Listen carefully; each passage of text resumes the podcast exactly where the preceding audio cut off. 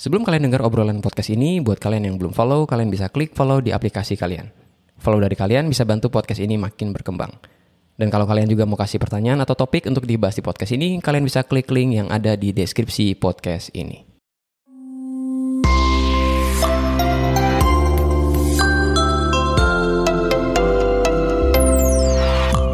Selamat datang di podcast Pak Kris ya. Dan di episode kali ini kita masih menjawab pertanyaan dari siswa-siswi SMAK 3 BPK Penabur Jakarta.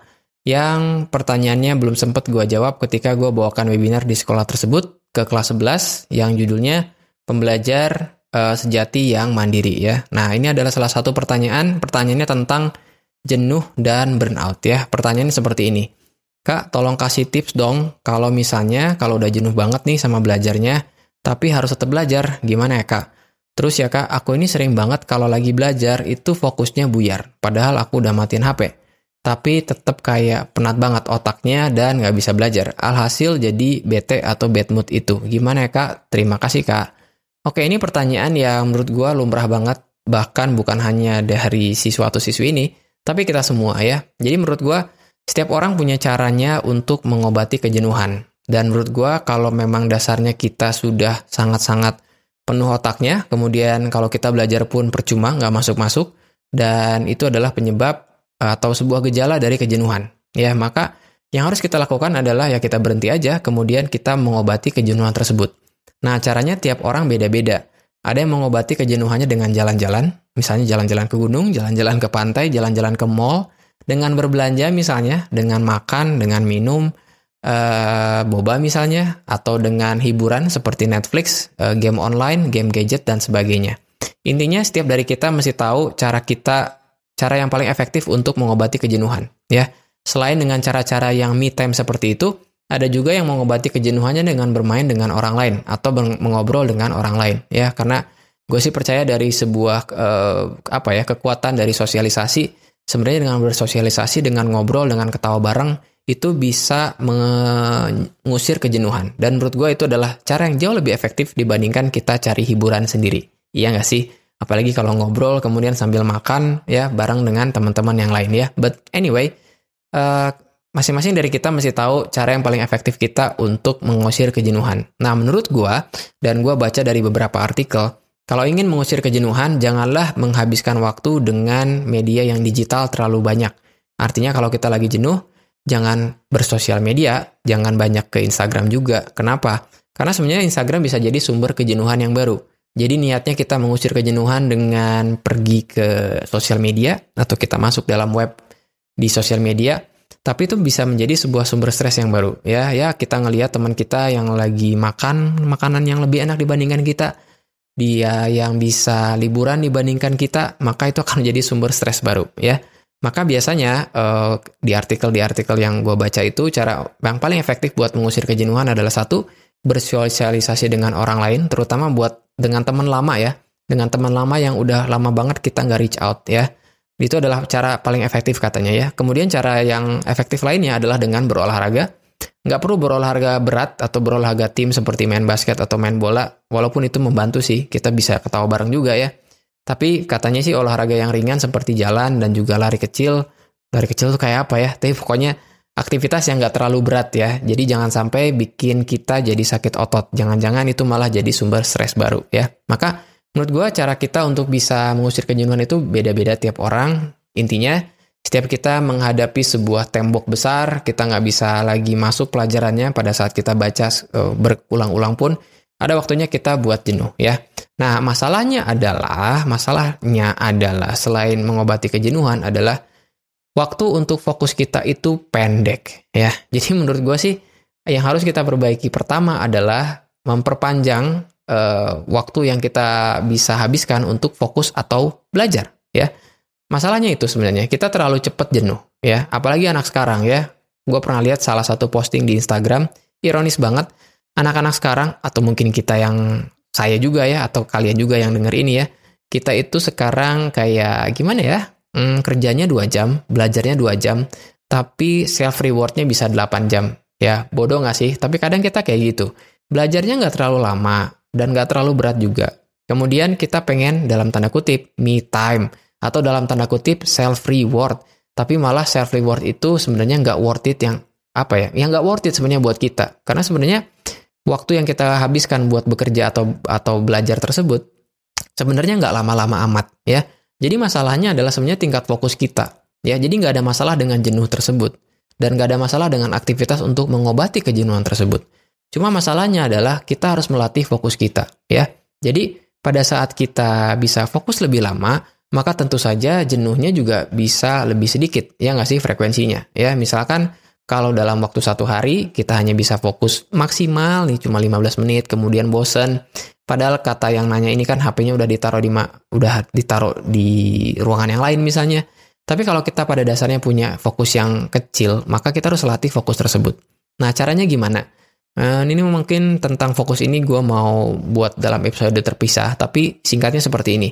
Kita mesti latih fokus kita. Jadi mulai dari 5 menit misalnya, kalau kalian merasa dalam 5 menit atau 10 menit punya masalah dengan konsentrasi, mungkin kalian ada dalam gejala yang sudah gawat nih pada saat kita terlalu banyak nonton, terlalu banyak main game, terlalu banyak ada di depan layar, kemudian dopamin itu bikin otak kita jadi seolah-olah kayak baal ya, kalau kata orang Sunda, atau kebal ya.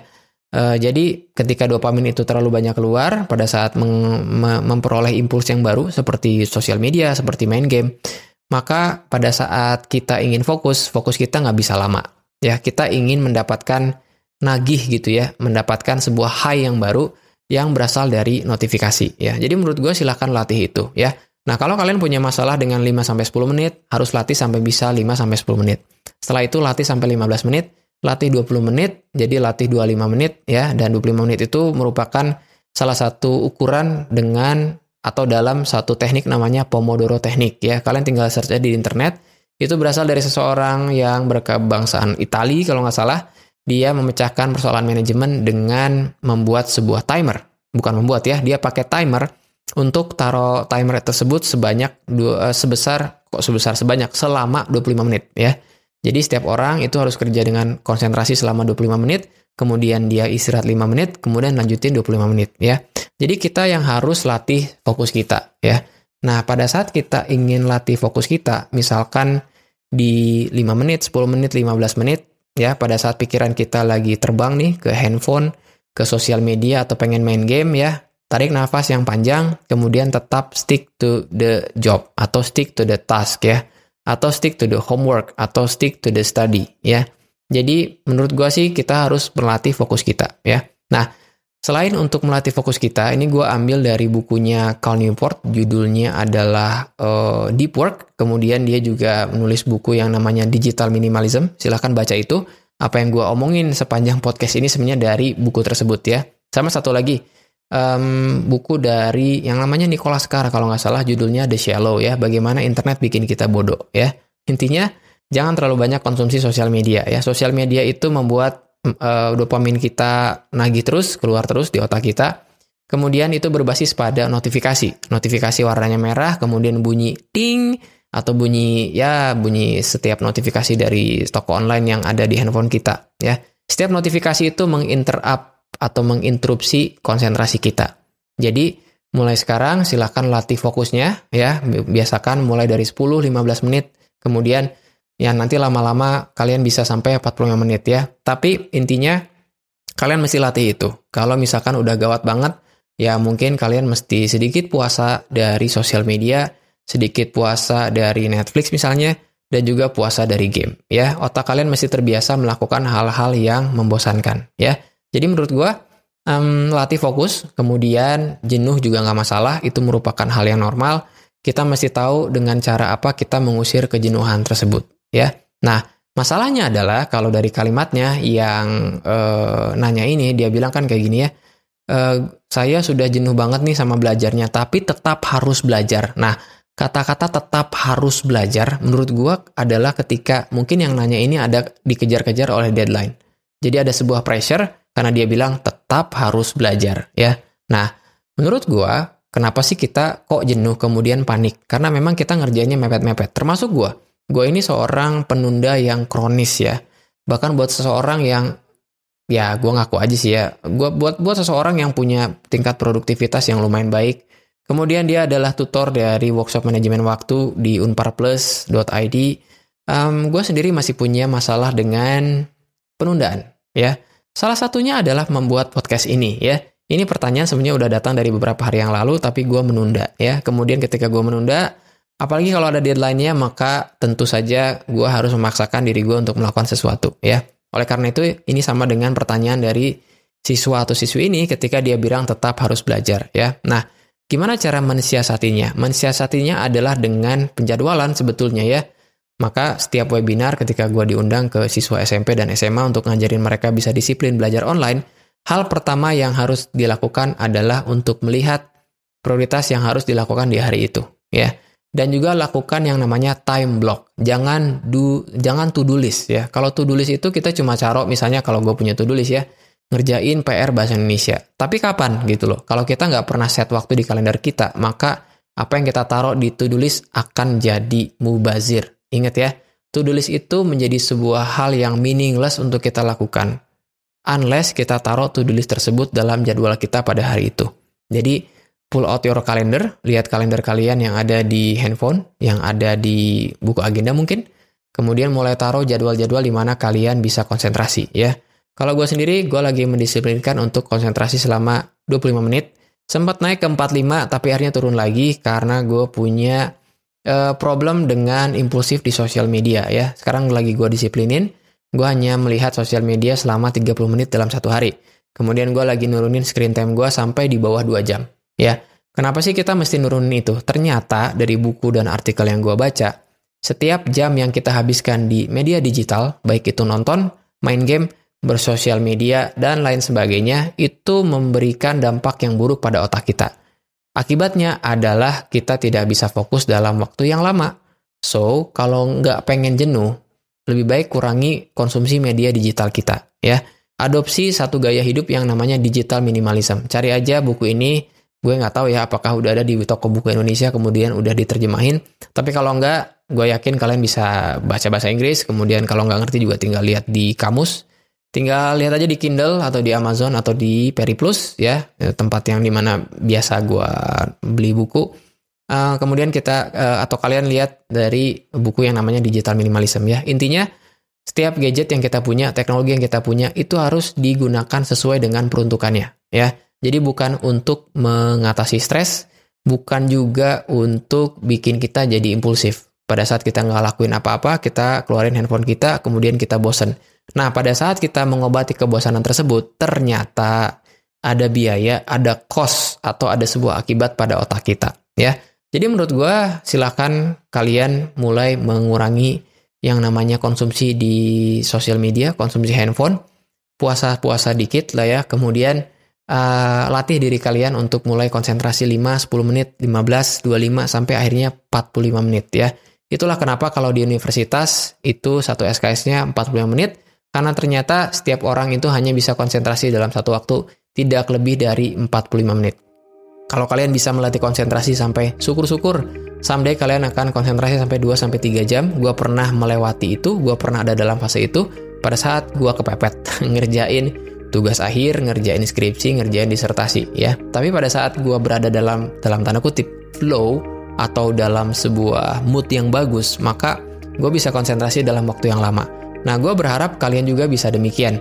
Ya, jadi mulai sekarang kurangi konsumsi sosial media, kemudian jadwalkan kapan kalian harus konsentrasi untuk belajar atau buat ngerjain tugas ya.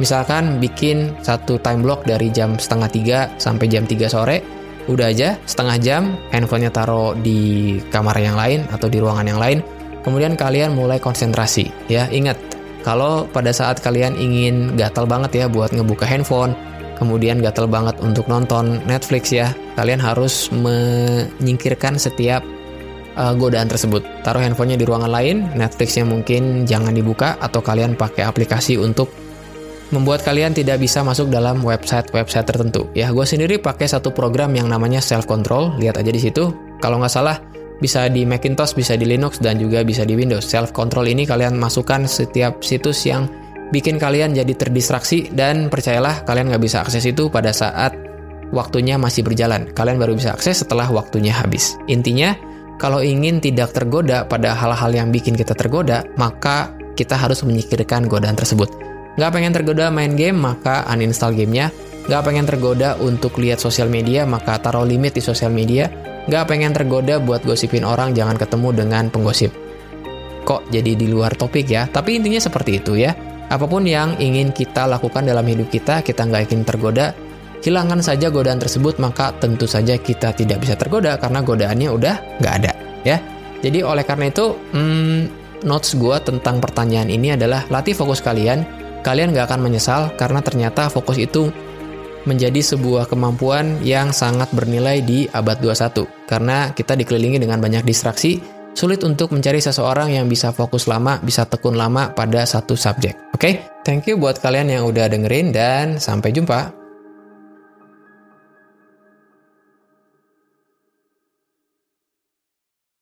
Kalau kalian dapat value atau manfaat dari podcast ini dan ingin say thank you, kalian bisa support podcast ini dengan mentraktir Pak Kris dengan klik link yang ada di deskripsi podcast ini. Terakhiran kalian akan sangat berarti untuk podcast ini tetap running dan bantu orang-orang untuk stay productive. I'll see you guys later dan stay productive.